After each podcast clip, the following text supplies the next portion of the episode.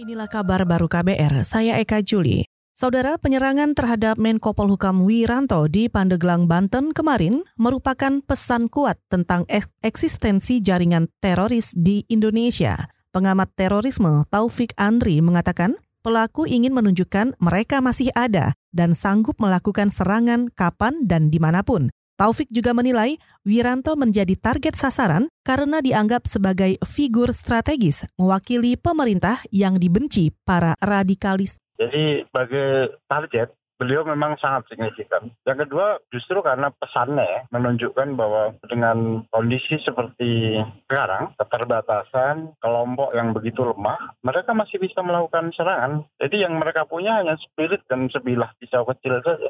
Ini pesannya kuat ke kalangan kelompok radikal baik yang segaris dengan perjuangan mereka maupun yang berseberangan. Pengamat terorisme Taufik Andri juga menambahkan, penyerangan terhadap Menko Polhukam Wiranto juga menjadi bukti Badan Intelijen Negara dan kepolisian yang kurang tanggap. Alasannya, pelaku penyerangan merupakan radikalis lama dari jaringan teroris di Bekasi yang sebelumnya sudah masuk radar pencarian aparat. Komisi untuk Orang Hilang dan Korban Tindak Kekerasan atau Kontras kembali mendesak penghapusan hukuman mati. Koordinator Kontras Yati Andriani mengatakan, Hak untuk hidup adalah hak yang tidak bisa dikurangi. Hukuman mati juga bukan solusi terbaik untuk menghukum seseorang. Tiga tahun silam itu kontroversi soal penerapan hukuman mati sangat tinggi, tapi sekarang kelihatannya kecenderungannya tidak terlalu uh, tinggi gitu ya, dan itu bisa dilihat indikatornya ketika pemerintah dan parlemen membahas soal hukuman mati, mereka bisa dengan cepat mem mem memilih jalan tengah tadi gitu, tetap mencantumkan tapi ada persyaratan-persyaratan tertentu gitu. Saya sih berharap itu jadi uh, pintu masuk gitu ya untuk ada ada upaya-upaya lanjutan menghapus hukuman mati dan secara politik bisa dimungkinkan misalkan presiden uh, mengeluarkan kebijakan moratorium uh, penerapan hukuman mati. Koordinator Kontras Yati Andriani juga menambahkan, Indonesia sebenarnya punya potensi untuk menghapus hukuman mati. Caranya dengan menerbitkan peraturan Mahkamah Agung yang menegaskan supaya para hakim menerapkan prinsip kehati-hatian dalam memfonis hukuman mati.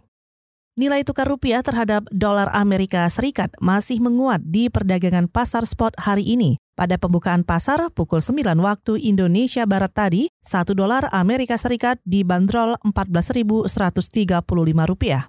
Rupiah menguat 0,07 persen dibandingkan posisi penutupan perdagangan hari sebelumnya. Sementara itu, indeks harga saham gabungan atau IHSG dibuka menguat 0,28 persen atau 16,81 poin ke level 6040,45 dari penutupan perdagangan sebelumnya. Sentimen perdagangan di jelang akhir pekan ini akan dipengaruhi asa damai dagang antara Amerika Serikat dengan Cina. Pasar saham domestik diproyeksikan berbalik ke zona hijau atau rebound di perdagangan hari ini. Kepala Kantor Komnas HAM Perwakilan Papua, Fritz Ramandey, meminta pemerintah untuk tidak mengabaikan keberadaan pengungsi dari Kabupaten Duga pasca demonstrasi rusuh di Wamena, Jayawijaya.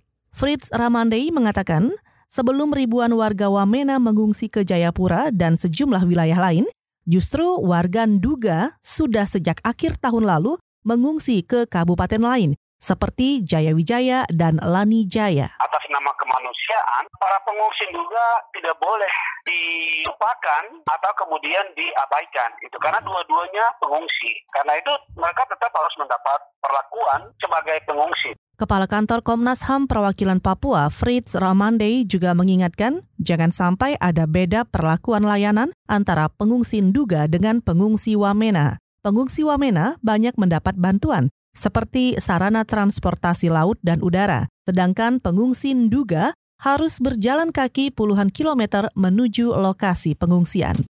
Saudara demikian kabar baru, saya Eka Juli.